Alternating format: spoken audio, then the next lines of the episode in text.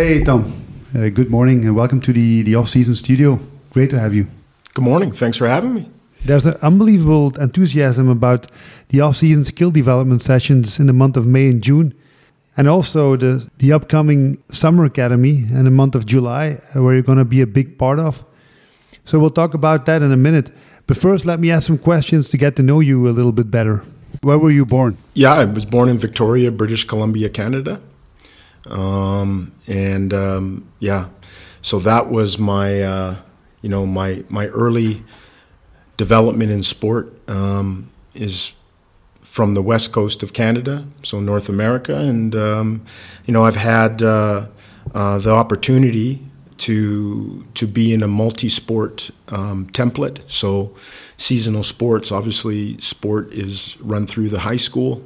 Um, uh, level, and, and so I had the opportunity to to play you know multiple sports, um, like most kids do in North America, um, and uh, you know that was uh, that was that was fantastic uh, to be able to have the experience to play multiple different sports during um, uh, the school year, and um, and and that was super.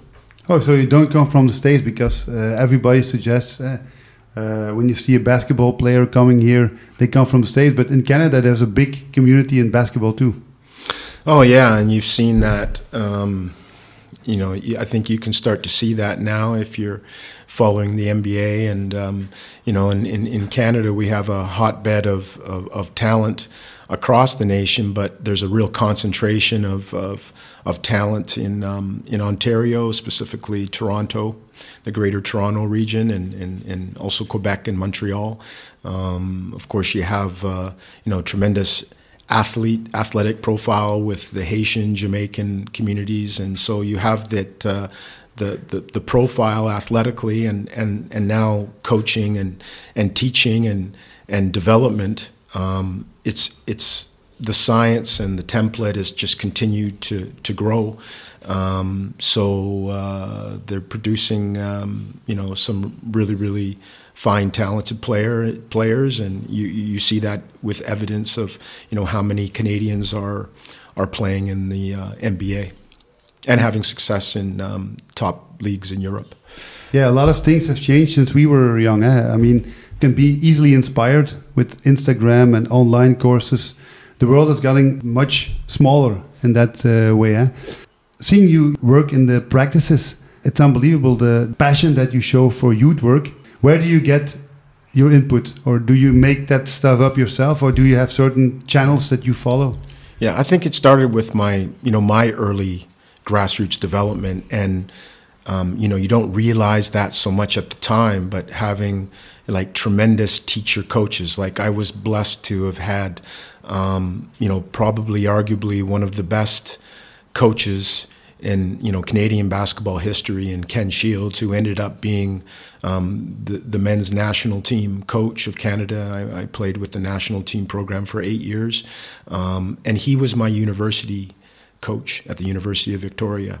So um, from my early early grassroots development, um, you know, I was taught, of course, now with um, you know the the the the different in the science and the evolution of of development at every age and stage of development. But if I look back and I see and I and I remember back and reflect back of what I was taught and and how I was taught the game and what was demanded of us, um, you know, it was really second to none. So I think my passion for teaching comes from that early stage of development, which I got when I was 15, 16, 17 years old. Um, and that actually stayed with me. And I think that's the, the foundation. And of course, you know, with all the other travels and all the other experience and all the other coaches that I've played for um, as a player in Europe, um, with the national team internationally, and then after my playing career, um, you know, coaching and, and hearing different voices. Um, I think it's just sort of like it's it's it's only normal that you you evolve as a teacher if you're if you if you stay being a student of the game. So, but mm-hmm. I think the original the original um, uh, inspiration and template was uh, you know from those early formative years. Yeah, so you you did your high school. Uh, it's basically the same template as as in the states, I think, high school and then college, and then you came over here to to Europe. Did you come immediately to Belgium? Yeah, like so. My first, uh, so at, at that time, of course, there wasn't you know a huge social media platform to give yourself the uh, the opportunity to have exposure. Mo- most of us on the Canadian national team, even at that time, a lot of us did. A lot of the players did not have agents, but of course, we were. You know, I was in a pool of let's say 16 to 18 players. Um, you know, top players in Canada that had the opportunity to get exposure with international tournaments. Um, obviously, um, you know, the uh, with FIBA and the in you know World University Games, Pan American Games, World Championships. That's where I had we had the exposure of having other club teams in Europe um, yeah, see us play, and and that gave me the opportunity to ha- to come to Belgium in my first professional contract. I think at that time I wasn't really even thinking about. I was thinking about playing professionally, maybe one year, um, you know, finishing university, having the experience of um, living overseas, um, you know, making a little bit of money, but having that like experience of of seeing another place and residing in another place during a course of a year and a season, and then maybe just kind of coming back and teaching and coaching, or you know, starting the rest of my life. But it ended up being a, a 11 year professional career, and then of course, yeah, ended up staying here and and and and, and starting my coaching career. So. so I know you played in Brie. Uh, we did some some practices. I, I came as a young kid, came in there when you were playing there. I remember that. Mm. What teams did you? What are the other teams of Belgium? You only played in Belgium or uh, brought to? No, no, I played. So the first first team, the first time I came to Belgium was Castors Braine. At that time, uh, it was 93, 94. Um, they had good teams, huh? We had good teams. We had very, very um, at, at, that time. Um, yeah, we're one of the top three, four teams in uh, in Belgium, and then after uh, Castors, um, I went to Italy. Um, I played in Italy, um, and then I played in France in Pro A, um, and then I came back to to Brie in Belgium. with Paul Vervaeck. I played with Paul Vervaeck. Danny Herman. In Danny Herman. A long time yeah. hero. Yeah, incredible, incredible, incredible shooter. And actually, I had, I had seen Danny previously when we were traveling with the the national teams. I forget what year it was, but we played uh, uh, a Belgian select team, and and and that was. Um, you know, before I became teammates with him, that's when I saw him. It was like there was this kind of unathletic, like white guy that's shooting us out in the game. So, um, but yeah, so after um, Brie, I played in um, in Gießen in Germany, um, and then I also had a, a, short period of time in um, in Bamberg in Germany, and then I finished my career in uh, in Italy. Um, I played, uh, um, you know, my first year when I played in Italy, I played in Caserta, which is the the countryside of Napoli, and then um, my last year uh, was in, in Italy, was in Sicily, in Ragusa. I played in Ragusa. So, so yeah, I, I, I you know, it wasn't sort of designed and planned that I would be you know, moving around that much. I mean, I could have easily just stayed in one place, but you know, with professional basketball, it's like if you, you want know, to move forward, you have you, to change. You, you, you want to move forward, and you're and you're you're searching for the the next best. And and and some players have the luxury and the fortune to um, you know to stay in one place and grow with that team and. Uh, you know but for me i'm you know being a, somewhat of a journeyman it was like uh, reflecting back on it, it it gave me a lot of uh, rich experiences that have helped me um, you know um, in life after basketball and, and coaching and teaching so it's brought a lot of um, all those experience um, i think brought me a lot of um, expertise and, and understanding um, you know overall so so after your uh, pro playing career you you ended up back in Belgium. Yeah, well, so, so that was uh, you know after so when I when I stopped playing, um, um, I was uh, uh, yeah I had met my my wife um, um in Brie the year I was playing there, and so so that's why Belgium became uh, a base. base became a base for me. So um, so it was always from that moment after 98 99 season in Brie, you know, Belgium was uh, was my base. Yeah, So- yeah. And then you you went into coaching, but you you had quite a. I know you were in Liège, Mm-hmm. Aalst. I was in Vilvoorde. I started in Vilvoorde, and then I went to Liège. Oh, with Dieter Toeverens, back in the day. Yeah, with Dieter, and uh, um, and then we uh, and then yeah, and then I went to Aalst after Vilvoorde, um, and we had two great seasons there, winning the championship in, in, in second division, and uh, had a very very good first year in in in, in uh, first division, the second season in Aalst, and then I then I moved on and went to uh, Liège, um, and uh, yeah, so I had um, um, you know a good a good uh, good period of, of tenure in, in the Belgian league. Yeah, and, and now uh, you're coaching Athenas, of course. Everybody knows this. Yeah. What's the difference between coaching men's and women's basketball? Yeah, well, there's some like you know, like I mean, there's some obvious obvious generalities for me, but like for me, the the the biggest thing um, is the is the difference in in, in ego between uh, men and, and women. Um, I think men have uh, um, uh, a different ego and a different representation. Um, I think uh, w- women are are are are far more um, open to learning new things, um, especially when the confidence and the trust is there that they know that those things are helping them grow and develop and be a better player. And then the commitment bond between the coach and the female player, it just goes like through the roof.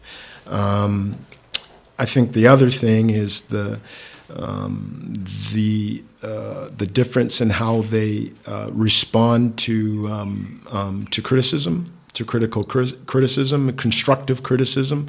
Um, I think you have to be uh, extremely um, um, like I think you can you can I, I teach and I coach women the same way that I coach men in terms of the the practice template. The difference is is that I think you on a on a human level you have to have um, like more frequent more frequent conversations. Um, to um, to strengthen that commitment bond and to um, you know to have the the empathy, but then the um, uh, the clarity.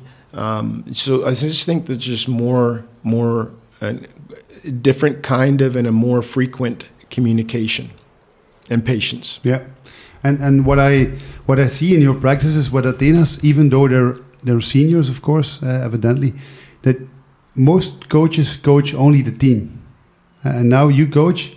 You even have one practice that you work on individual stuff, skill development, athletic development. So you you only have three practices, but you do you really do one practice only this. Is this your vision that even at an older age you can still learn new new skills? Yes, certainly, and and and in terms of the performance, um, ultimate performance of your team. I mean, if there's if there's extreme habitual mechanical fundamental deficits, it, it's it's going to affect the performance of your team. So for us, the you know the skill acquisition and the corrective input that we have in terms of um, um, the fundamental aspects of the game. Um, if you don't spend time on those things, then you know you're you're you're gonna you're gonna fail. So uh, we don't compromise um, the development session each week at the expense of one more strategic or one more team tactical practice. I think that that's the one thing that we're you know we're quite proud of, but um, you know with what we're trying to do in Athenas, and I don't know of how many other teams at the TDW level that are actually you know committed to to doing this ongoing. So the 40 minutes of of with the strength and conditioning coach um, and the 40 minutes of basketball, um, you know, working on all of the universal and, and fundamental weaknesses. Um, um, I think that this is uh, crucial for us to continue to to build and grow and and and and and keep moving forward with this. So so we don't compromise the um, um, this template um, because it's a long term it's a long term view, and and we have younger players and younger developing players that might that that clearly have missed some um, development at some previous stages in terms of these things, and so so we just we commit to invest, and for us it's like the, the, the, mindset we have, it's like putting money in the bank. It's like it's an investment, and it will um, you know will pay off for us down the road. And of course, we need to have the the, the higher skilled um, position players, and we need more. Um, we need a quality of players, and um, but I think that um, we're committed uh, uh, in Athenas to to working this way, and and and I I, I, I think that we've seen increments of improvement and development, and we will, um, yeah, we will continue to work this way. Yeah, seeing you work with Athenas, it, it, was evident that we had to bring you in with the skill development uh, practices that we do. Eh? Those five practices, and we have a great team eh? with with Mithun Wene, Ronnie McCullum, uh, even with the experience of Ludo Horions, bringing in the young uh, coaches like Ben uh, Lambrecht and Jeffrey Bogart. Uh, what are you seeing during those practices uh, of those kids? Yeah, well, you know, you, you so the the kids and the players they show you what they need to be taught. So I think for me is if you're if you're really a committed and a passionate um, student of the game, you're you're viewing. They're showing you what they need from you. So um, it's been great to be able to get an overview and a look at you know their strengths um, of, of, course, there's uh, you know there's deficits there, but you know every player has has strengths and deficits. But I think it's just allowed it's allowed me in terms of my part um, to plug in a formula or plug plug in specific things as I get to know the kids week after week to plug in specific a, a specific formula um, to help them grow in the areas that the you know the the, the real fundamentally um, weak areas, and just to give them more practice repetition um, in those areas, and and and to also uh, accentuate their strengths because you know I think that's really important too. Um, but uh, I think it's just getting the overall view and, and a feel for their strengths and their weaknesses, and to um, you know, to help them help them grow and improve in their in their in their weak areas. Yeah, and, and they're very passionate. I mean, the, the amount of players that show up has, has almost doubled going into this year. Uh, I think it's a tremendous opportunity for every player that wants to learn to be there. Eh? The combination of athletic development and, and skill development, do you think it's important at this moment in the season, the off season? Uh? Oh, it's. I mean, it's vital. I mean, and and and, and this is the thing that like all all teacher coaches, like not everyone can can work um, to the level of uh, of a Jan Adrians in terms of um, strength and conditioning. But I think that your practice template, like I think we have the um, uh, responsibility as coaches to help these kids be better athletes. Um, you know, not only better basketball players, but you know, and because we know now that the in the top 1% of this sport, um, you know, more athletic, faster, stronger, quicker, uh, more skilled. Um, and I think that, that this is the holistic view um, that is continuously evolving in the idea about, um, about development, certainly about youth development.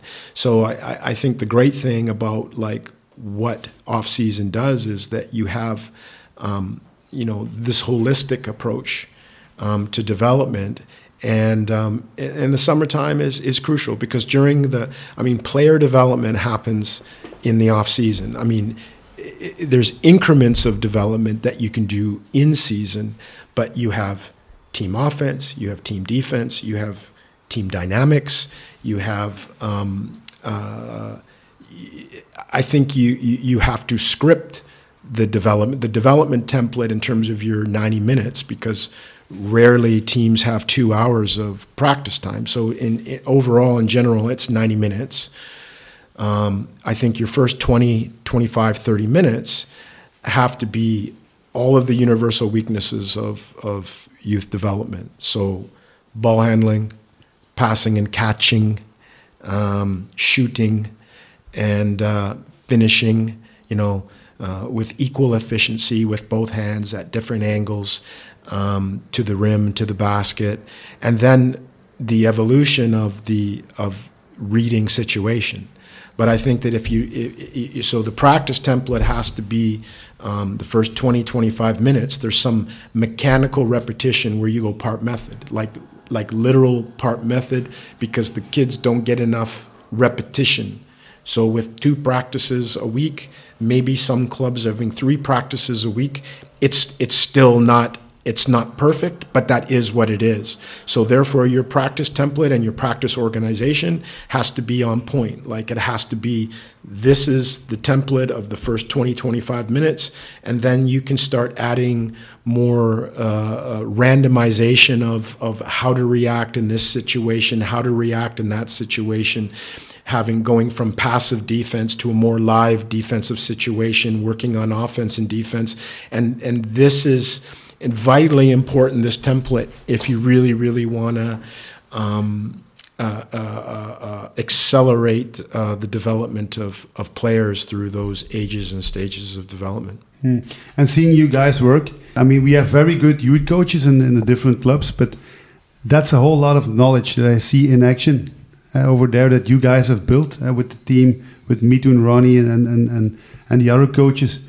Uh, and it would be great to inspire even youth coaches who want to learn uh, to give to pass that on to the next generation or to coaches who want to, to be there. How do you see that? Would that be something that would you you would love to invest in?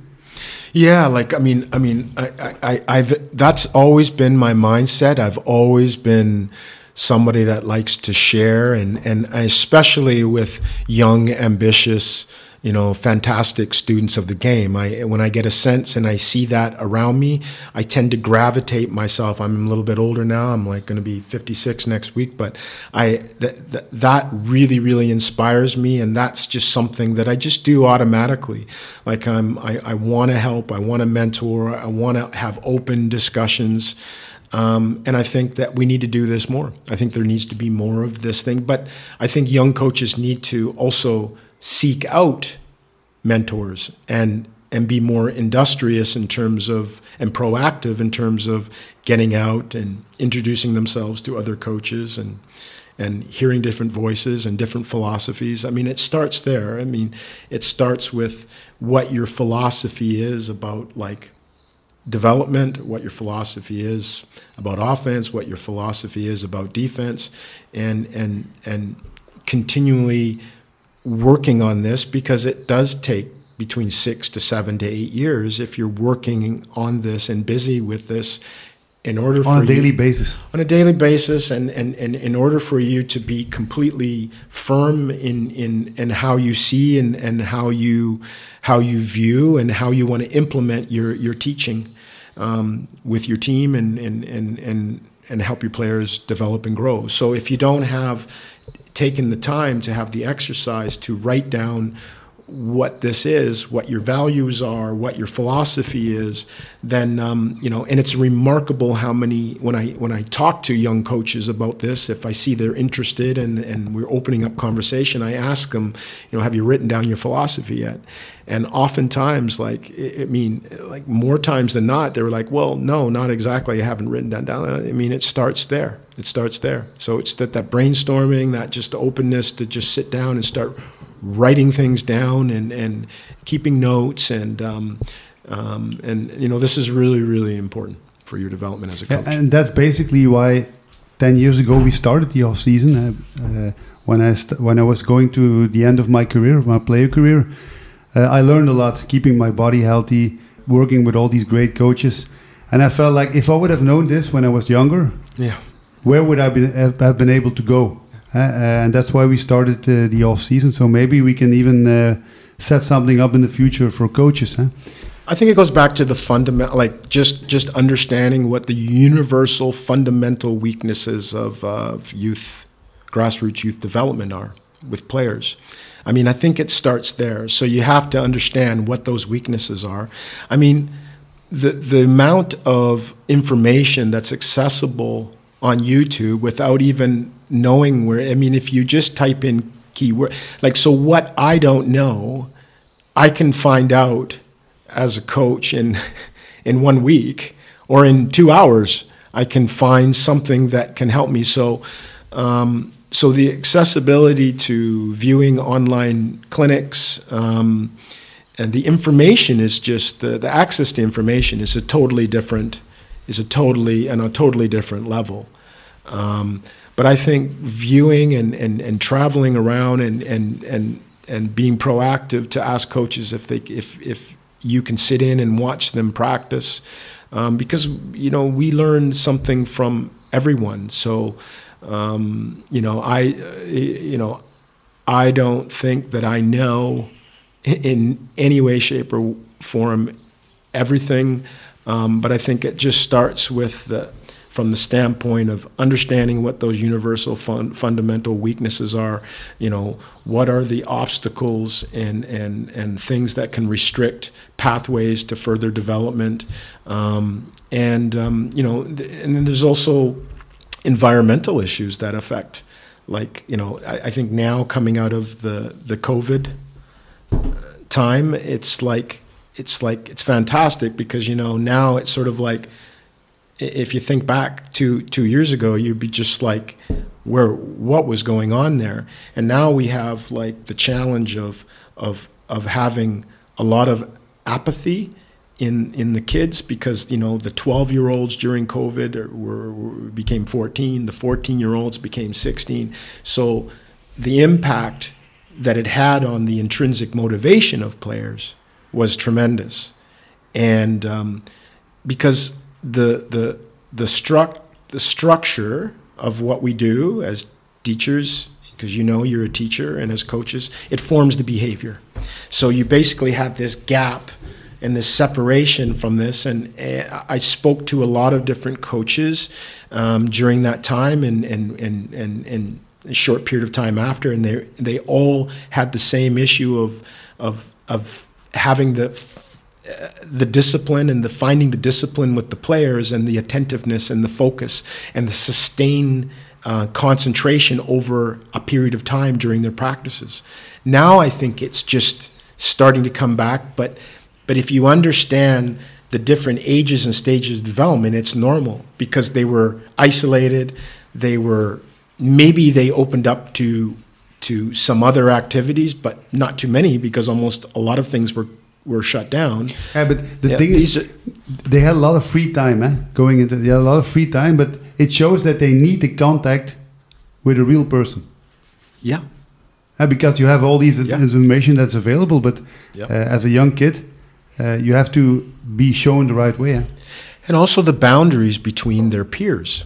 Also to be able to to find the, the social boundaries. The practice together. The practice together, conflict, like, you know, competitiveness, conflict, sorting it out, eye to eye, person to person. So that in general, before COVID, I feel is somewhat of an issue in Belgium and maybe in some ways in, in Europe that there's that thing of um, of, uh, of, of being being face to face, dealing with uh, uh, a little bit of adversity, finding where you stand um, with that person. You know, I think if if you don't have those interactions this way, and that's why sport's so important, that you know it's easy to find a resolution like when you're online or when you're separated from a person because if you have a you can just throw out a you know a little bit of a remark or you can disagree with someone but there's nothing coming back. So i think it's like this thing now of of, of creating these opportunities where you know kids and, and, and people can can confront something head on, um, can are forced to deal with it, and that you find oh maybe that wasn't the right way of doing it because that certainly did because the result didn't really work out in my favor. And then having to find another path and and then making a maybe a mistake there and then now going the other i think that's just normal. And i think that's the one thing about um, you know that i see is that the that um, challenge and the adversity and the competitive nature on court um, needs to needs in the interaction needs to needs to evolve to another level for the kids. Seeing those kids evolve in the practice, it's, it's a huge inspiration for them uh, to work with all those top coaches.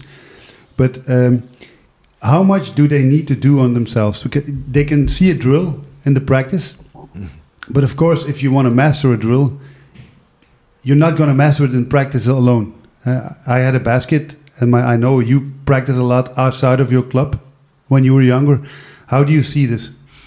Yeah, well, and and this is the and this is the misconception. For me, it's it's it's really um, it's astonishing to me because the intrinsic motivation that I had as a young athlete at uh, let's say from 13 or 14 years of age of course I grew up in a multi-sport so I played a lot of different sports. Which, which sports? I played American. I played. I played. Okay, I'm Canadian, so of course I played hockey. So every Canadian plays hockey. You ice, start, ice hockey. Yeah, you start by learning how to skate, and then you play. So I played two or three years of hockey, and and and then I um, I played American football.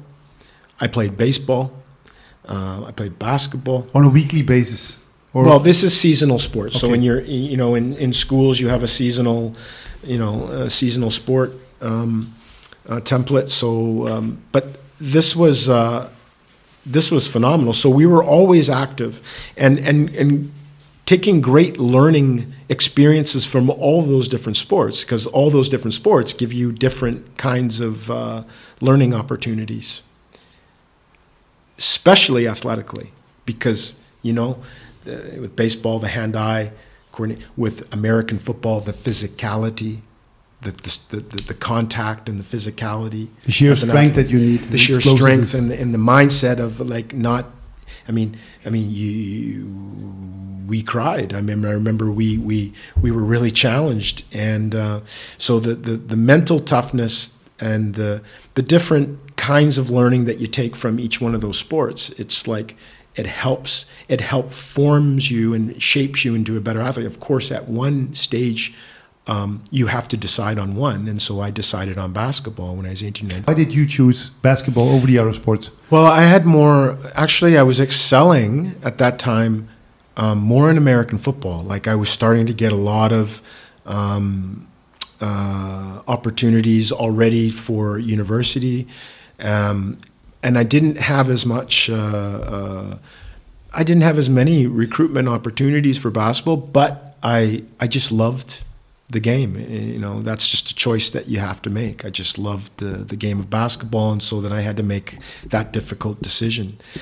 Um, but it, coming back to the intrinsic motivation, I mean, that's something that has to come from within you. I think that your surroundings and your environment, I think that if you have the inclination and you have the passion as a young person to want to practice the game on your own, then that needs to be supported also.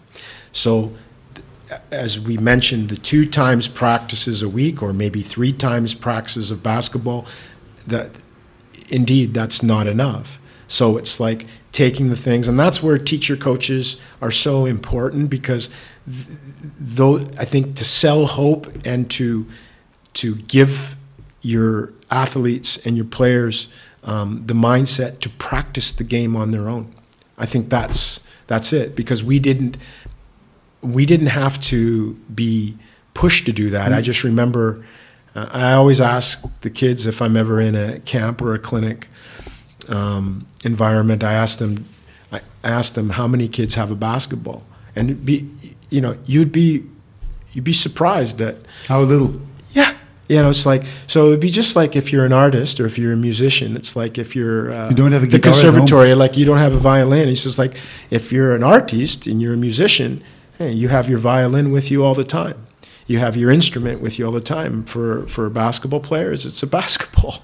So um, I Mm. but think you talk about the environment eh? and the parents. We, we see at the end of the sessions that we do, the skill development, a lot of parents are coming early to see the practices. eh? Um, what is the role of the parents? First question. And second question, how did it work out with you? Did you come from a sports family or how did it? I didn't come from a, a, a sports family at all. Um, my my my dad was a um, a maintenance foreman for a school district, but before that, he was 25 years um, in the Canadian Navy, um, and my mom was just a just just stay at home mom. And uh, you know they had no sportive background, but the one thing was is that I was a bit of a hyperactive kid, and so I think the sport was really good, and all those different avenues for me to release that energy. And I think that for me, um, in my situation, my parents released me to the activity, and I think that's really important. They didn't, So you they didn't try to hold you back. They, not they, hold that so that always got me there always you know because uh, you know there was multiple different uh, activities and teams and sports and you know now you see the challenge of you know and nowadays both parents generally are working um, you know one activity with school is generally enough and it's a challenge to get you and you see it all the time we hear it all the time from kids and parents about like oh i've got to get i'm i'm going here yeah i mean i remember having being on four different teams at one time during a season that were overlapped and i got to every practice and my parents had to get there so i think that the, support um, of time for the parents just to get your it's, child trem- it's tremendous. just to get them there and get them back is enormous. and That- also in the weekends. that's enough. That's enough. Um, when I say release the child to the activity, it's mean what we're what we're always uh, challenged with as as coordinators, as coaches, is the the nature and the mentality and the mindset, and the and, and sometimes the uneducated mindset of the parents. Um, you know, putting too much pressure on the child, at like and not understanding the ups and downs. not understanding the ups and downs, not understanding that, that when kids are on the court during practice, during games, that they are taking pictures. That that the parents don't understand that that when they're playing, when they're on that forum, because it is like they're on a forum and there's a spotlight on, that they're getting views. They're at moments not like long stares. They're just getting a view. They're getting a little bit of a look. What's mom doing? Okay. So mom's there talking to the other mom about their Gucci handbag and going shopping and hassled and not watching and attentiveness on the court. That has an impact on a child. Hmm. Or conversely, dad blowing a top, he's got a red tomato head and he's yelling and screaming at the referees and at the coach. They take an internal picture of that. And not to mention the drives to to the games and practices and what happens after game in the car. Um, you know, kids probably just want to go, maybe probably go to McDonald's and have a happy meal, but then those those rides turn into maybe not in all situations a very positive conversation. And so I attitude and mentality is contagious. Huh? it, it is, and and so sometimes we're not all blessed to have, uh, uh, as a child athlete, have a parent that is like an actual basketball coach. So a coach son, coach daughter relationship, because sometimes those relationships don't don't work either. It doesn't. It's not that the the parent needs to be an expert in in sportive development, but that's why I say it can be enough just the support to get them there every time without the pressure of like and the angst of feeling like oh I can't get there to practice the release of and then release the child to the activity And trust the coach. And trust the coach. And the only time I think parents should be uh, and parents need to be aware of the behavior and the and the uh, the, the the the emotional um, state of a child after practice over a period of time. How is the kid responding to the activity? I think that the only time I would have a conversation. And, and, and to be honest, I've never had a conversation with the coach. My daughter plays. I know you have kids, and I've never approached uh, uh, a coach about like anything like technically or tactically or um, the only thing that I would, if I ever did, it would be like if there was something on a, on a you know a human level or an inappropriate nature of, of how to um, to teach and to help kids feel safe and supported and and inspired.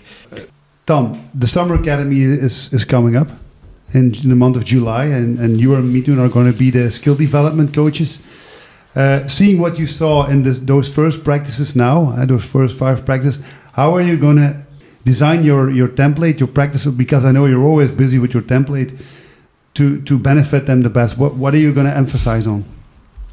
Well, I think all the universal um, um, deficits in, in you. So I, have already touched on this before. So the ball handling, the passing and catching, um, the finishing, um, uh, both hands with equal efficiency from different angles and different situations, um, and then the um, you know shooting, shooting. So a lot of uh, um, um, shooting mechanics, form shooting, and then the evolution into um, game speed, um, off the catch, um, uh, off the dribble.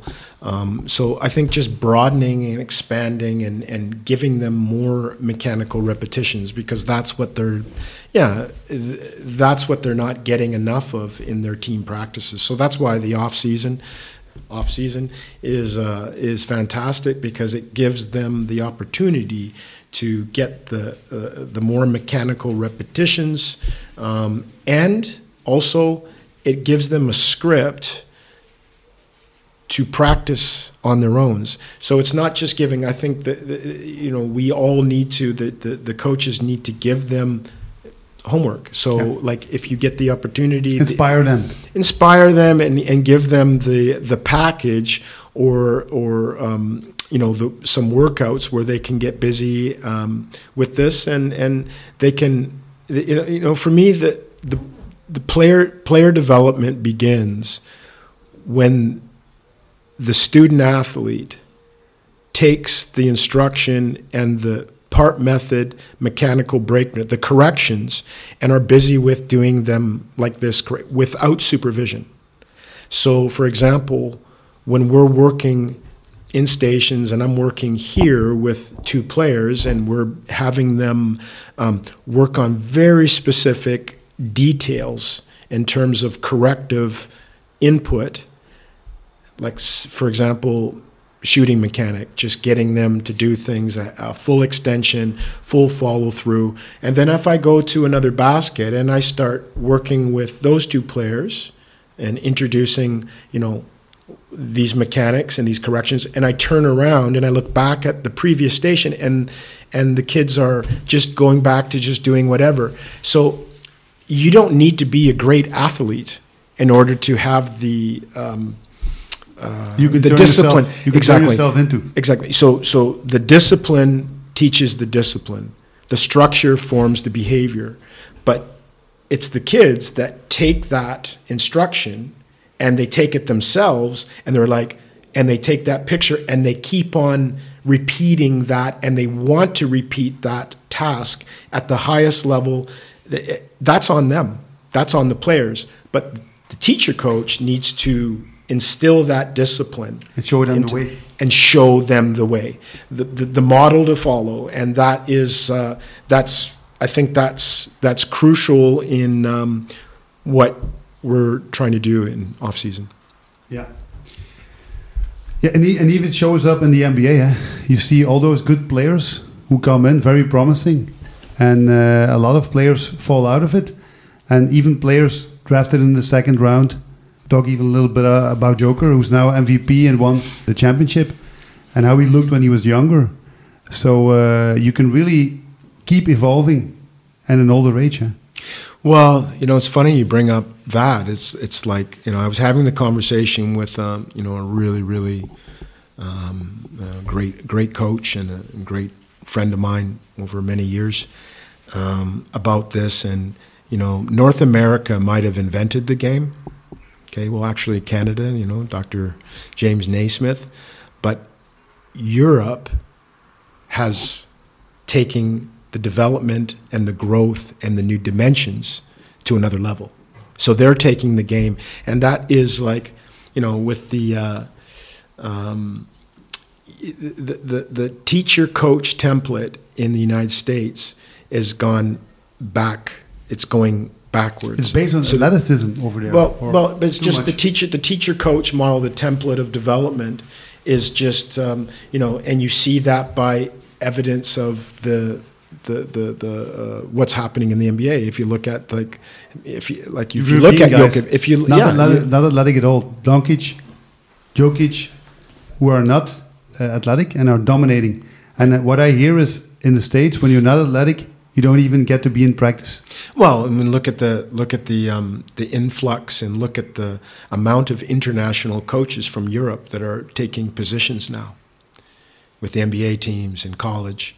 Um, you know, the the influx the, the influx of, of international coaches. It's just it, it's it's showing you it's showing you why.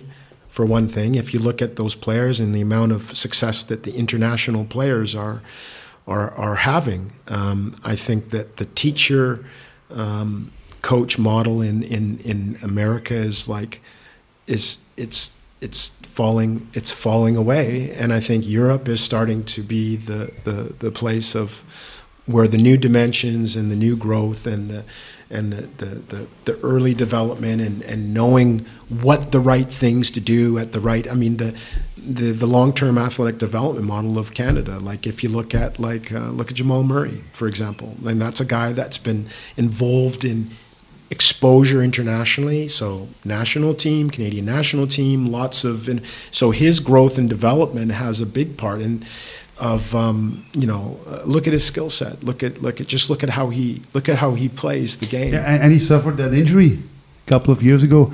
And, you know, sometimes with a, a big injury, that's when the players who come back stronger, they need that using discipline. Yeah. and working a certain way, and they, they take that into their whole uh, basketball skill development and stuff, and they start working more meticulous. I think it's phenomenal the way he played Yeah. with unguardable. Incredible. Those two are, uh, yeah. I, I, I, I just can't think of like a two more like unbelievable players. Obviously, incredibly skilled and, and tremendous, but their um, how they play together, how their games complement each other, and their fusion and connection. It's uh, it's pretty amazing to. And you to see the, the clips al- also with the family involved, and it's like really one big family, and the coach has a huge role in that too. Huh? Yeah, his maturity. I mean, Jamal's maturity and, and step up that way, and in in term, you know, was always obviously a, a tremendous uh, talent. But uh, uh, if you look at his his maturity and growth, and his you know, so so much humility and and and just a just a tremendous person, right? Yeah, just good, just good, good people, and and. Uh, uh, so yeah, it could uh, we'll see. Bradley Beal is going to the Suns. There's a lot of talk about that. Do you see the Nuggets moving forward and, and taking a couple of more championships? Yeah, we'll see. We'll see how that um, you know how we'll see how the salary cap works. Um, um, if I'm not mistaken, I think uh, I think uh, that you got to pay. You got to you got you got to pay Jokic.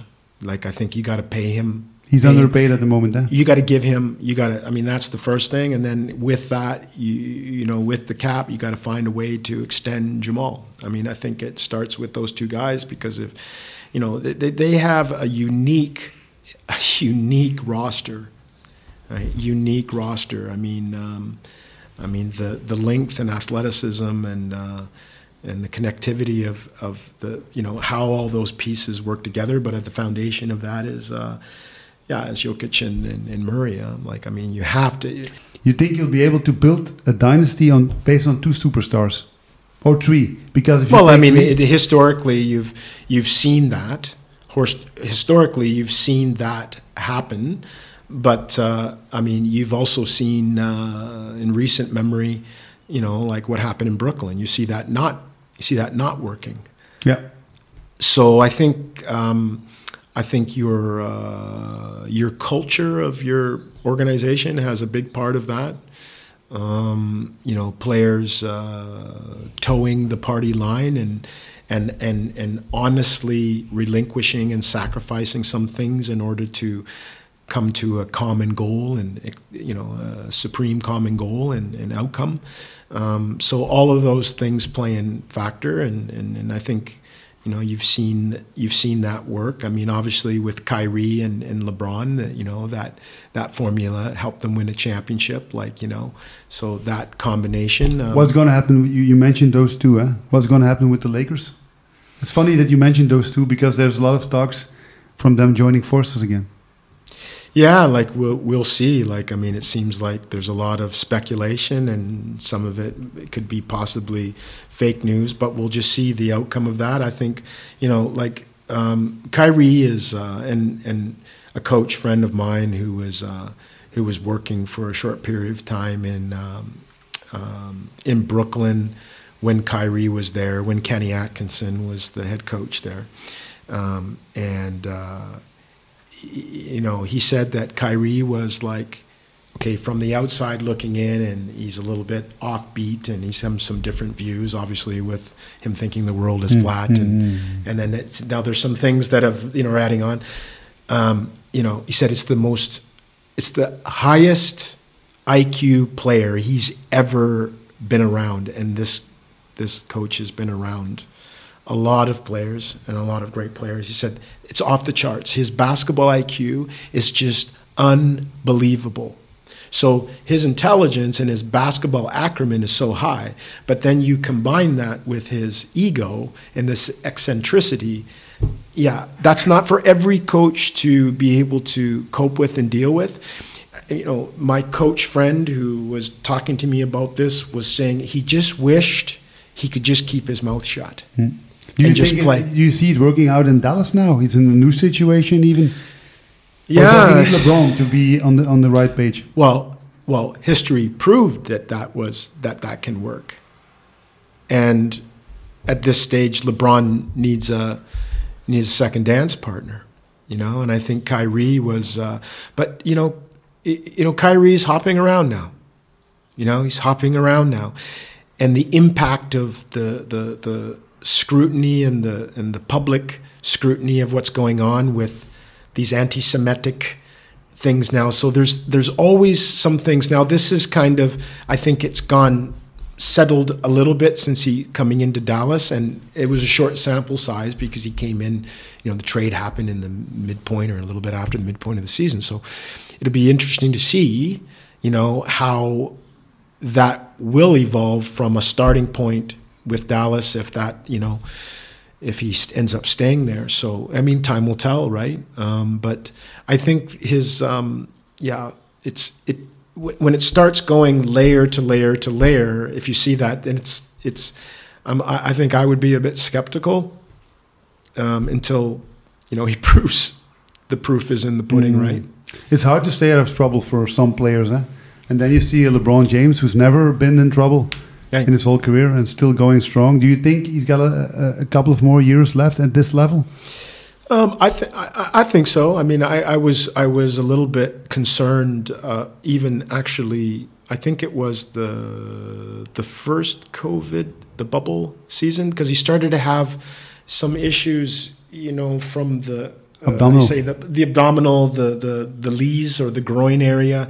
You know, you get some okay, you get some some calves, so some small areas there that that's usually an indication that to but he's avoided up till now the major traumas right yeah um, and he's a freak right so i, mean, I hear that uh, on the planes and he's, he's going for a stretching session every 20 minutes yeah he's going he has a room uh, on the plane even yeah. team plane and he, he stretches he yeah. never sits still to yeah. let his body uh, right. go stiff yeah, yeah, that's yeah, and you can imagine how much those guys are traveling. So, and and you know, with the length of those guys, but I think in general, like yeah, like I think. Um, you know their uh, support and, and the kind of people and resources that they have around them obviously that helps too right yeah but um, it it does start from a, a you know the personal decision to self-educate and to its longevity. And to invest in that too, eh? To so he's already had longevity. So how much more longevity is going to have? I guess that's up to him, right?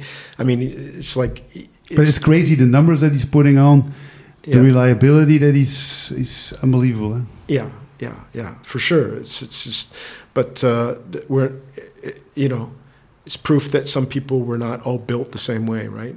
this Yeah. guy's like a machine. Huh? Yeah, yeah. Yeah. Uh, Tom, we have a lot of stuff more to talk uh, about, but uh, uh, I, Episode two. yeah, yeah, yeah, yeah. So we have enough uh, ground to to schedule a second uh, session. Eh? Perfect. Yeah. Thanks a lot for stopping by, Yeah. Thanks for and having me. see you soon. Eh? All right.